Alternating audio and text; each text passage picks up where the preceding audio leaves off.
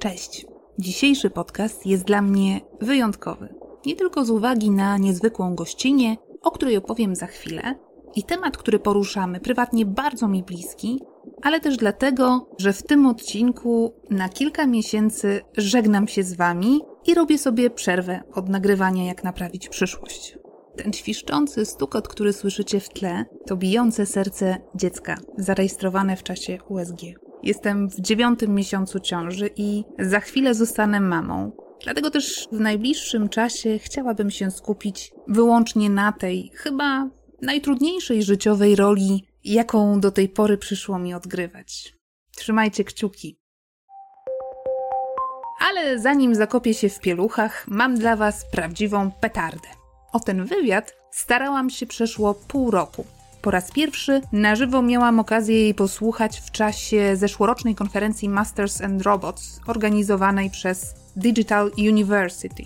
I muszę przyznać, że byłam pod ogromnym wrażeniem jej przenikliwości, wiedzy na temat trendów i zmian zachodzących w otaczającej nas rzeczywistości oraz krytycznego podejścia do technowinek, którymi, no jak dobrze wiemy, tak wielu ekspertów bezrefleksyjnie się zachwyca. I w końcu się udało. Rozmawiałyśmy pod koniec czerwca. Panie i panowie, moją dzisiejszą gościnią jest Amy Webb, wybitna amerykańska futurolożka, pionierka prognozowania opartego na danych i technologii. Forbes wymienia ją w gronie pięciu kobiet, które zmieniają świat. Na co dzień Amy uczy foresightu strategicznego na New York University Stern School of Business i prowadzi własną firmę. Jej Future Today Institute doradza w obszarze strategii i technologii nie tylko korporacjom, ale też politykom i przedstawicielom amerykańskiego rządu. W Polsce ukazała się niedawno jej najnowsza książka zatytułowana Projekt Genesis czy biologia syntetyczna nas wyleczy.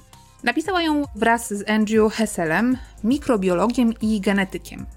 To fascynująca lektura, o historii, ale przede wszystkim o najnowszych zdobyczach inżynierii genetycznej. Autorzy prognozują tu nie tylko ich możliwy wpływ na nasze życie w kolejnych dekadach, ale też ostrzegają przed zagrożeniami i piszą o dylematach bioetycznych, które już dziś rozpalają debatę publiczną. Przeczytacie tu zarówno o pracach nad wskrzeszeniem mamuta włochatego, jak i pierwszych genetycznie modyfikowanych dzieciach oraz syntetycznych ludzkich embrionach. Z Amy Webb rozmawiałam przede wszystkim o tym, jak innowacje biotechnologiczne wpłyną na rozmnażanie się człowieka. Czy pomogą w leczeniu niepłodności albo zapobieganiu chorób genetycznych u dzieci? A może zrewolucjonizują tradycyjny model rodziny? A może, jak w dramacie science fiction zatytułowanym Gattaka Szok przyszłości, z Itanem Hawkiem i Umą Turman, doprowadzą do nowych społecznych podziałów na superludzi, uprzywilejowanych, bogatych, piastujących najlepsze stanowiska i dyskryminowaną, genetycznie nieulepszoną biedotę. Nazywam się Barbara Sowa i zapraszam do wysłuchania 34 odcinka podcastu Jak naprawić przyszłość?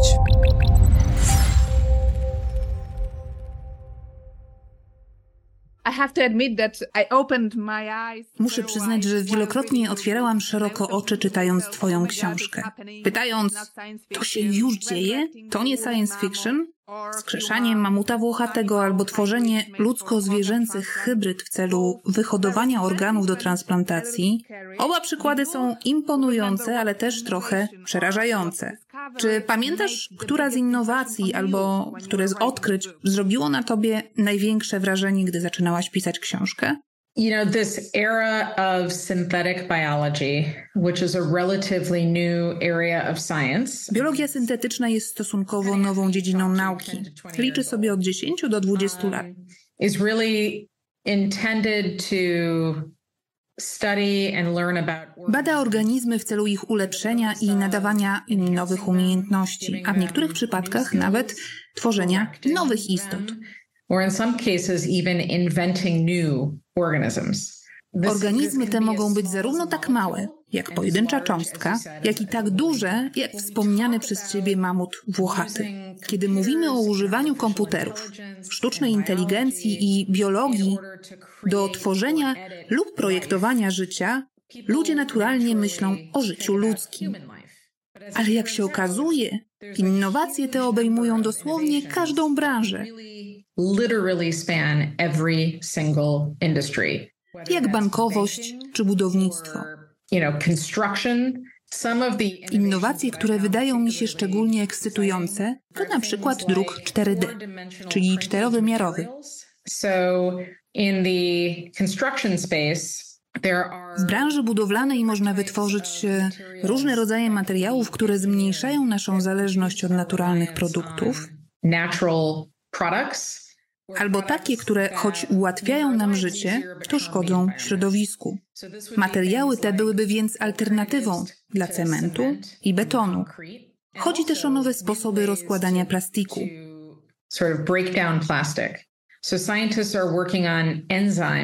Naukowcy pracują nad enzymami, które mogą rozkładać plastik i zamieniać go w nawóz. To ważne, bo tak często mówimy o ograniczaniu emisji dwutlenku węgla ze spalania paliw i transportu samochodowego, a przecież najwięcej ropy naftowej wykorzystujemy właśnie do produkcji plastiku. Uważam, że to fascynujące. Bardzo trudno będzie przekonać wszystkie kraje do redukcji emisji dwutlenku węgla. Chińska gospodarka bazuje na starszych, wysokoemisyjnych modelach produkcji opartych na węglu.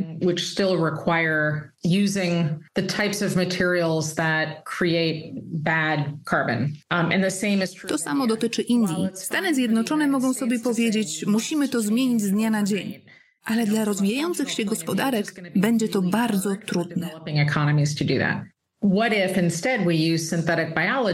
A co jeśli użyjemy biologii syntetycznej do wykorzystania dwutlenku węgla jako surowca i zaprogramujemy rośliny, które mogą po prostu pochłonąć więcej dwutlenku węgla i zamienić go w energię? Te innowacje są naprawdę ekscytujące. Byłoby też wspaniale, gdybyśmy odeszli od dzisiejszej medycyny, która jest pełna domysłów. Stosuje uniwersalne rozwiązania dla wszystkich i wymaga od ludzi brania ton pigułek. Zamiast tego celujemy w konkretne problemy, tworzymy nowy kod biologiczny, aby je rozwiązać. Istnieje wiele firm, które nad tym pracują. Od BioNTech po moderne, które wykorzystują informacyjne RNA, czyli rodzaj kwasu rybonukleinowego, do celowania w komórki rakowe i ich usuwania.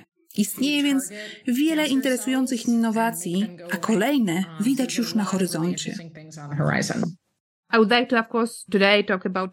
o medycynie jeszcze dziś porozmawiamy, ale najpierw chciałabym Cię zapytać, dlaczego zdecydowałaś się napisać książkę o biologii syntetycznej? Zarówno w Twoim przypadku, jak i w przypadku jej współautora, Andrew Hessela. Za tym projektem stoją także Wasze prywatne historie i życiowe dramaty. Ale rozumiem, że nie tylko. Zechcesz o tym opowiedzieć? Moja poprzednia książka Wielka Dziewiątka jest poświęcona sztucznej inteligencji. Kiedy badałam granice sztucznej inteligencji, przyglądałam się wielu projektom i wciąż natrafiałam na firmy, które inwestując w sztuczną inteligencję, równocześnie wydawały też pieniądze na tę dziwną dziedzinę nauki nazwaną biologią syntetyczną. Okazało się, że nawet najwięksi technologiczni giganci, jak Microsoft czy Google, którzy prowadzą wiele zaawansowanych, pionierskich badań nad sztuczną inteligencją, jednocześnie inwestują w zespoły badawcze zajmujące się właśnie biologią syntetyczną. W mojej pracy, a zajmuję się strategicznym foresightem, nazywamy to sprzecznością. A kiedy pojawia się naprawdę silna sprzeczność, natychmiast chcę wiedzieć więcej, ponieważ jest to sygnał nadchodzącej zmiany. Oddałam manuskrypt książki o sztucznej inteligencji i od razu zaczęłam pracować nad książką o biologii syntetycznej. To był prawdziwy powód. Myślałaś, że to kolejna wielka rzecz, tak? Bardzo mnie ciekawiło, dlaczego ci sami ludzie, którzy pracują w obszarze sztucznej inteligencji, zajmują się też biologią. Oczywiście nie wszyscy, ale to było dla mnie dziwne połączenie. I to się działo zanim DeepMind mówił publicznie o niektórych swoich badaniach nad fałdowaniem białek. Byłam po prostu zafascynowana. Wskoczyłam do tej króliczej nory i pomyślałam, że jest to rodzaj technologii, o której za 10 lat wszyscy będą mówić w taki sposób, w jaki my dziś mówimy o sztucznej inteligencji. A to oznacza, że pojawią się związane z tym problemy regulacyjne czy geopolityczne. Obecna sytuacja związana ze sztuczną inteligencją jest po prostu opłakana. I dlatego chciałabym, abyśmy jako ludzkość złagodzili część ryzyka związanego z rozwojem biologii syntetycznej. To był początek. Przeprowadziłam wszystkie potrzebne badania. Opracowałam strukturę książki, ale nie jestem biologiem i doszłam do momentu, w którym czułam, że czegoś mi brakuje. Jako osoba z zewnątrz nie wiem, jak to działa, ale jestem ciekawa. Poznałam Andrew Hessela dzięki wspólnemu znajomemu i zapytałam, czy nie pomógłby mi z opracowaniem naukowej części książki. Zgodził się. Oboje mieliśmy też problemy zdrowotne związane z reprodukcją. Andrew nie mógł założyć rodziny. Ja bardzo, bardzo chciałam mieć dzieci. Próbowaliśmy z mężem, ale skończyło się kilkoma poronieniami. Okazało się, że mogę zajść w ciążę, ale nie potrafię jej utrzymać. I cały czas słyszałam, jak lekarze powtarzali te wszystkie absurdalne rzeczy. Nie wiemy, dlaczego tak się dzieje. Po prostu tak jest. Ale nie trać wiary. A ja mówiłam, że to jest bez sensu. Dlaczego nie możemy podejść do tego naukowo? To był kolejny powód, dla którego podjęliśmy ten temat. Piszemy o nim we wstępie do książki. Pytamy też, co by było, gdybyśmy byli ostatnim pokoleniem, które musi zmagać się z problemami z prokreacją. Co by było, gdyby na horyzoncie pojawiła się alternatywa, zupełnie inny sposób na prokreację? I okazało się, że jest. W tym momencie, a jestem w ósmym miesiącu ciąży, najważniejsze jest dla mnie pytanie o to, jak biologia syntetyczna może wpłynąć na to, w jaki sposób będziemy zakładać rodzinę w przyszłości. Dlatego pytałam Cię o prywatną historię, bo to obecnie dla mnie najciekawszy temat.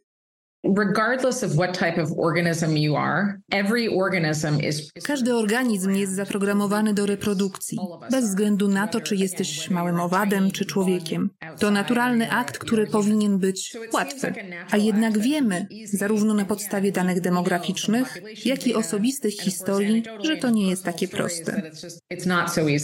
My daughter just turned 13 Moja córka właśnie skończyła 13 lat. Jesteśmy bardzo otwartą rodziną, więc gdy pisałam książkę, odbyliśmy wiele głębokich rozmów na temat tego, czym jest życie, narodziny i śmierć, a także o tym, co byśmy zmienili w sobie, gdybyśmy mogli. Albo o tym, że już niedługo będziemy mogli hodować komórki mięsa w bioreaktorze. W wielu miejscach na świecie gospodarstwa rolne będą wyglądały zupełnie inaczej. Już teraz dzieje się tak w Singapurze, gdzie znajduje się największa na świecie fabryka produkująca kurczaki. Na poziomie molekularnym są one identyczne z kurczakiem, którego możesz kupić na lokalnym bazarku, choć nawet nie stały obok żywego kurczaka. Takie kurczaki nie wymagają antybiotyków ani hormonów wzrostu, więc ich mięso można uznać za znacznie zdrowsze. Takie rozmowy prowadziliśmy z rodziną przy stole. Dlaczego ograniczać się tylko do kurczaków? Zapytałam córkę, czy zjadłaby syntetyczne mięso pandy, na przykład stek z pandy, czy mięso psa. Odpowiedziała, a co z ludźmi? Co by było, gdybyśmy tworzyli tkanki ludzkie? To nas zainspirowało do szalonych debat filozoficznych. Rozmawialiśmy też o zamrażaniu jej komórek jajowych. W wielu krajach kobiety muszą wybierać między karierą lub zajściem w ciąży i wychowywaniem dziecka przez pierwszych kilka lat.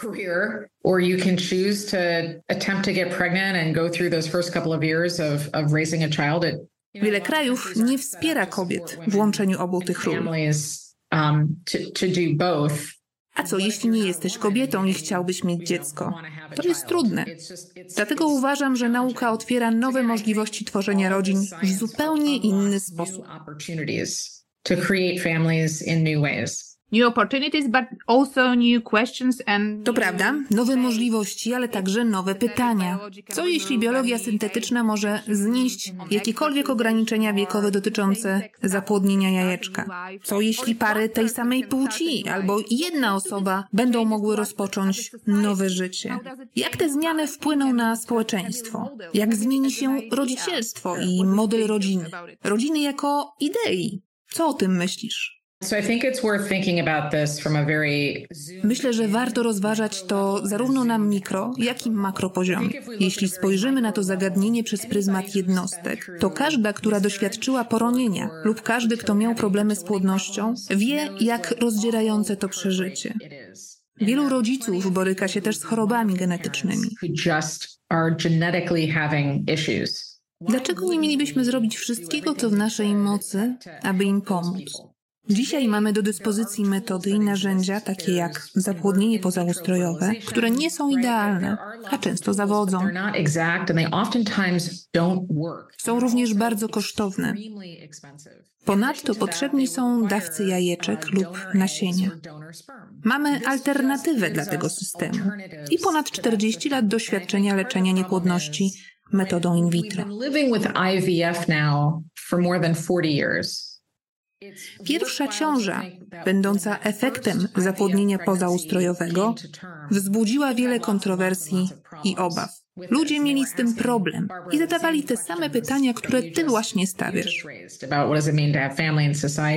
Po 40 latach nikt już nie myśli o in vitro jako o czymś wielkim. Dlatego uważam, że to, co dziś zdaje się godzić nasze przekonania i być radykalnym posunięciem, prawdopodobnie zmieni się w przyszłości. Jeśli spojrzymy na to w szerszej perspektywie, reprodukcja jest związana z płcią, tożsamością płciową i orientacją seksualną. Prawda jest taka, że w wielu społecznościach na świecie te kwestie wciąż stanowią trudne tematy. Um, Nawet w Stanach Zjednoczonych, gdzie trwa właśnie przedostatni dzień miesiąca dumy, czyli czas, w którym celebrujemy nasze różnice, nie obyło się bez protestów i zakazów.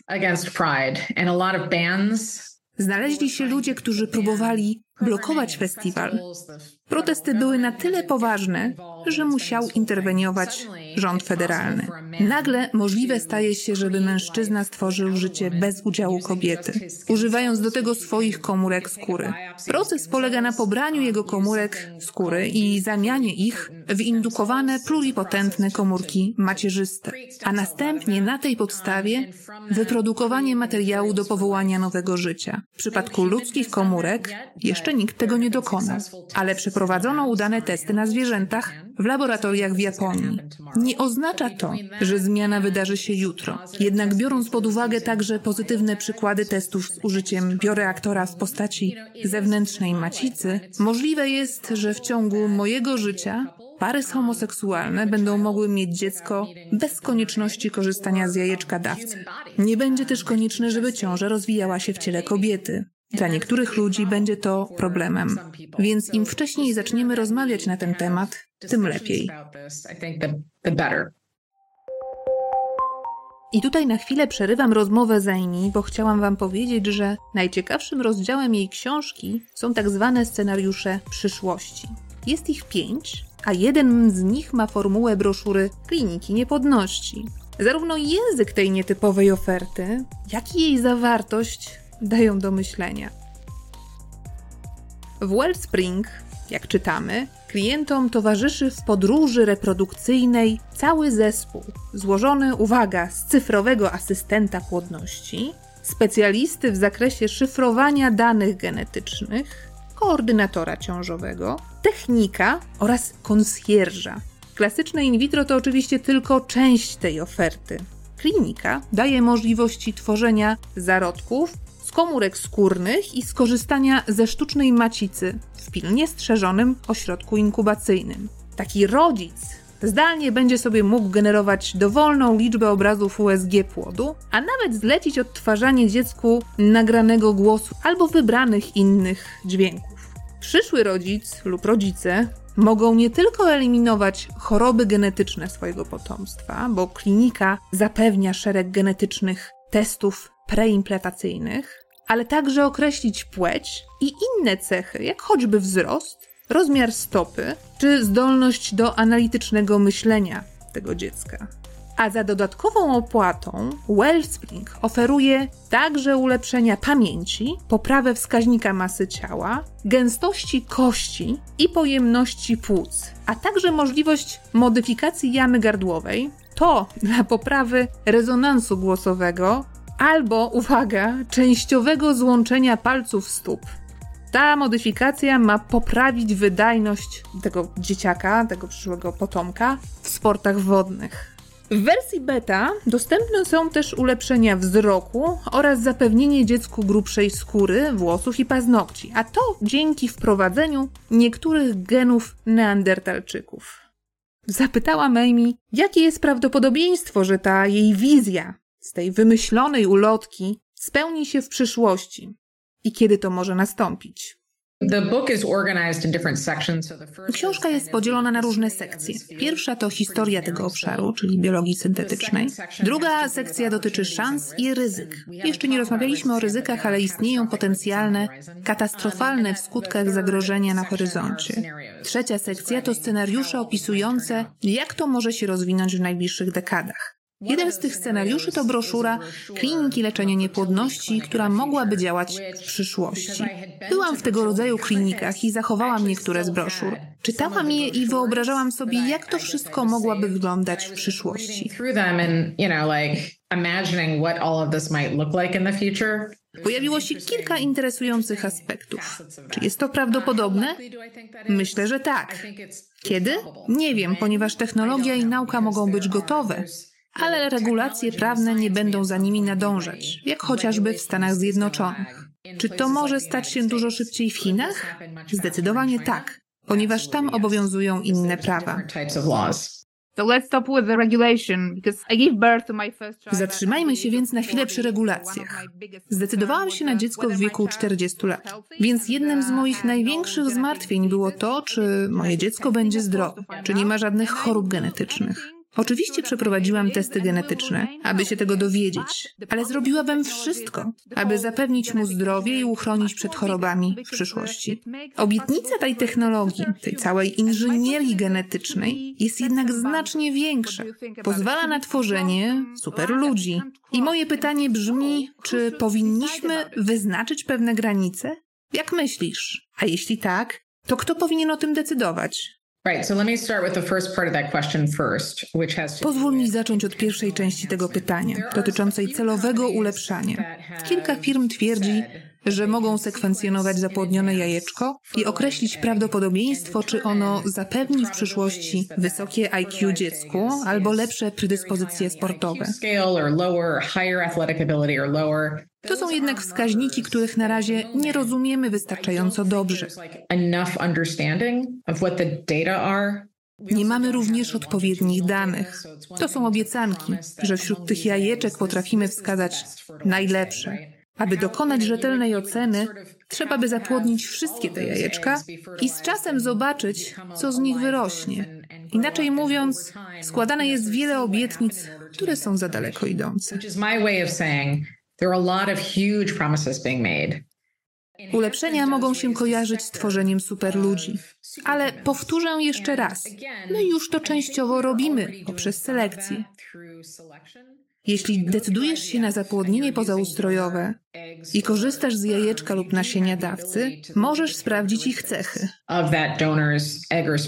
W ten sposób, poprzez selekcję, możesz wpływać na ciążę. Nie sądzę, żeby ktokolwiek wybrał cechy, które uważa za gorsze. Ludzie wolą cechy oceniane jako lepsze. Co się stanie, gdy naprawdę zaczniemy ingerować poprzez edycję genów? Jednym z problemów inżynierii genetycznej, zaskakująco powiązanym ze sztuczną inteligencją, jest to, że eugenika była w niej obecna od samego początku, zarówno jeśli chodzi o eliminowanie niższej wydajności, poprawę zdolności sportowych, jak i innych cech.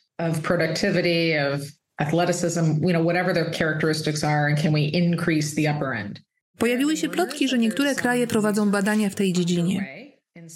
Oczywiście żadne państwo nie wydało oświadczenia typu patrzcie na nas, tworzymy super żołnierzy. Ale to jest coś, o czym musimy pamiętać. To jest najgorszy możliwy scenariusz. Możemy też zacząć o tym myśleć inaczej. A mianowicie, co się stanie, jeśli nie będziemy mogli zatrzymać zmian klimatu? Nie będziemy w stanie ograniczyć ani powstrzymać tego, co już się dzieje. Pożary będą więc stałym elementem naszej rzeczywistości. Teraz, gdy rozmawiamy, na południu Stanów Zjednoczonych, w Teksasie, mamy najwyższe temperatury w historii. Chicago, miasto, w którym się urodziłam, ma najbardziej zanieczyszczone powietrze na świecie. Z kolei w Nowym Jorku jest zimno i pada deszcz. Zmiany na planecie zachodzą szybciej niż ewolucja człowieka. Co jeśli wzmocnimy nasze organizmy tak, aby wytrzymywały większe upały? Wprowadzimy neandertalskie geny, aby nasza skóra zawierała więcej kolagenu i była grubsza. Co jeśli wprowadzimy do płuc element, który pomoże nam odfiltrować bardzo zanieczyszczone powietrze? To wszystko są trudne kwestie. Mamy do czynienia z ulepszeniami, które mogą być na rękę całym narodom, bo w efekcie podniosą ich konkurencyjność lub bezpieczeństwo, ale też rodzicom, którzy mogą chcieć tworzyć super dzieci, łatwiej odnoszące sukces. Mowa też o ulepszeniach służących naszemu przetrwaniu. Myślę, że warto przeanalizować różne scenariusze przyszłości. Ale kto powinien o tym decydować? Zaproponowałam międzynarodowe konsorcjum, które zajęłoby się również wymianą danych i innymi kwestiami. Nie ma kraju, który mógłby sobie pozwolić na działanie w pojedynkę. Biologia ma tendencję do samoreplikacji. Nie ma tu jednego uniwersalnego rozwiązania, więc to jest trudne. Będziemy musieli osiągnąć globalny konsensus w tej sprawie. Biorąc pod uwagę, gdzie jesteśmy na przykład w kwestii GMO, że ludzie nadal protestują przeciwko modyfikowanym genetycznie owocom i warzywom, choć etykieta GMO niekoniecznie oznacza coś złego. Ale marketing wokół niej jest bardzo silny. A teraz rozmawiamy o modyfikowaniu genetycznym ludzi. Czy możesz sobie to wyobrazić? Czy dojdzie do tego, że będziemy musieli sobie robić tatuaże z oznaczeniem, kto został zmodyfikowany, a kto nie? Przed nami stoi bardzo wiele trudnych pytań. Jak wspomniałam, napisałam tę książkę teraz, na bardzo wczesnym etapie rozwoju tych technologii, abyśmy za 8 do 10 lat mieli już przemyślane kwestie z nią związane. Staram się inicjować debatę nad biologią syntetyczną już dzisiaj. W swojej książce wskazujesz dziewięć zagrożeń, które z nich wydaje się obecnie najbardziej niebezpieczne. Istnieje wiele zagrożeń, ale powiedziałabym, że trzy z tych dziewięciu są dziś szczególnie ważne. Pierwszy to tak zwany gain of function research. Polega ono na celowym mutowaniu choroby czy wirusa, aby nadać mu dodatkowe funkcje. Pierwotnie chodziło o to, żeby zrozumieć, w jaki sposób wirus będzie mutować, bo dzięki temu możemy znacznie szybciej znaleźć lekarstwo. Żyjemy jednak w epoce sztucznej inteligencji. Tak naprawdę nie musimy już prowadzić tego typu badań, ponieważ można symulować wyniki. Ale ludzie nadal to robią. Powodem jest chęć stworzenia broni biologicznej, czego się obawiam. Druga sprawa, która mnie niepokoi, dotyczy własności intelektualnej. Biologia jest wszędzie obwarowana wieloma dziwnymi patentami, a prawo w każdym kraju jest inne. Przypuszczam, że gdy innowacje te będzie chciał wykorzystać sektor komercyjny, pojawią się pozwy i problemy, które zahamują rozwój tej dziedziny, zwłaszcza w krajach demokratycznych. A tymczasem autokratyczne państwa będą po prostu przejść do przodu. Martwi mnie ta nierównowaga. Trzecie i być może największe zagrożenie to dezinformacja. Nadal nie udało nam się całkowicie zwalczyć dezinformacji wokół COVID-19. A ten obszar jest o wiele większy. Musimy znaleźć sposób na to, by rozmawiać o nauce bez jej upolityczniania, aby ludzie nie podważali naukowych faktów. Z tym problemem mamy do czynienia na całym świecie, tak w Polsce, jak i w Stanach Zjednoczonych. Jedno z ryzyk, o którym piszesz, mówi, że następne po wykluczeniu cyfrowym będzie wykluczenie genetyczne. Zastanawiałam się, jak uczynić te innowacje, a może chociażby niektóre z nich bardziej dostępnymi finansowo szerszej grupie odbiorców w przyszłości. Czy to jest w ogóle możliwe? Większość danych w bazach genetycznych pochodzi od białych mieszkańców Stanów Zjednoczonych i Europy Zachodniej. Polska nie jest zaliczana do Europy Zachodniej, prawda? Hmm, raczej do Europy Środkowo-Wschodniej. A Europa Środkowa i Wschodnia zostały w pewnym sensie pominięte w bazach genetycznych. Moja babcia i jej rodzina pochodzą z Białorusi. Jestem niemal pewna, że jeśli jesteś na przykład z Anglii, to prawdopodobnie wszystko jest w porządku i masz swoją reprezentację genetyczną w tych bazach. Ale osoby urodzone w innych regionach, mające wiele specyficznych cech genetycznych, po prostu nie są częścią dostępnych baz danych. A to oznacza, że kiedy rozważamy nowe terapie, ich dane nie są uwzględniane. Istnieje wiele raportów pokazujących, jak często kobiety są pomijane w badaniach klinicznych i naukowych. Dlaczego? Ponieważ miesiączkują, mają problemy z hormonami. Podobnie jest z osobami o innym niż biały kolorze skóry. Afroamerykanami albo rdzennymi Amerykanami. Na wielu przedstawicielach tych grup przeprowadzano przymusowe eksperymenty genetyczne. I oni teraz słusznie pytają, dlaczego mielibyśmy dobrowolnie przekazywać wam nasze dane genetyczne? Genetyczny podział będzie więc tylko rosnąć. Są kraje, które już teraz próbują rozwiązać ten problem. Zjednoczone Emiraty Arabskie pracują nad ogromnym projektem. Próbują sekwencjonować genomy miliona obywateli. Próbują stworzyć krajową bazę danych genetycznych, co byłoby pierwszym takim przypadkiem na świecie. Arabia Saudyjska pracuje nad czymś podobnym. Saudi Arabia is working on something similar. Im więcej danych genetycznych zgromadzimy, tym lepiej, o ile będą one w pełni anonimowe. To z kolei wiąże się z wieloma innymi pytaniami i problemami. Musimy jednak budować zaufanie i ludzie muszą być gotowi dobrowolnie sekwencjonować swoje genomy. A my musimy zapewnić ochronę ich prywatności. Dziękuję bardzo za rozmowę.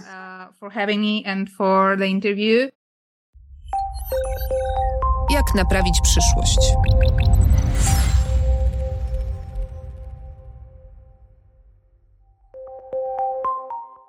Link do książki Amy znajdziecie w opisie podcastu. Podobnie jak informacje o najbliższej edycji konferencji Masters and Robots, która odbędzie się 18 i 19 października.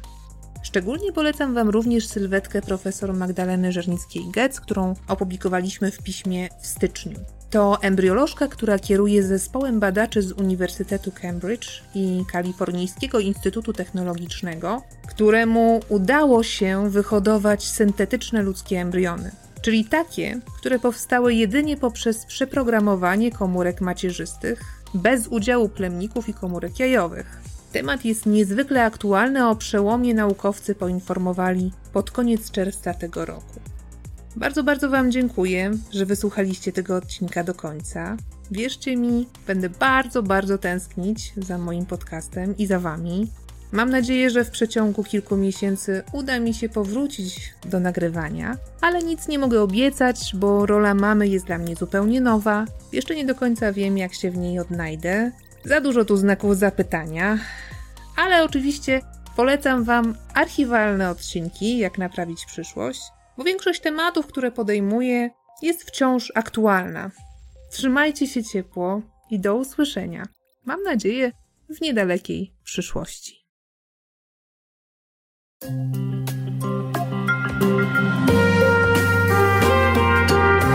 Pismo.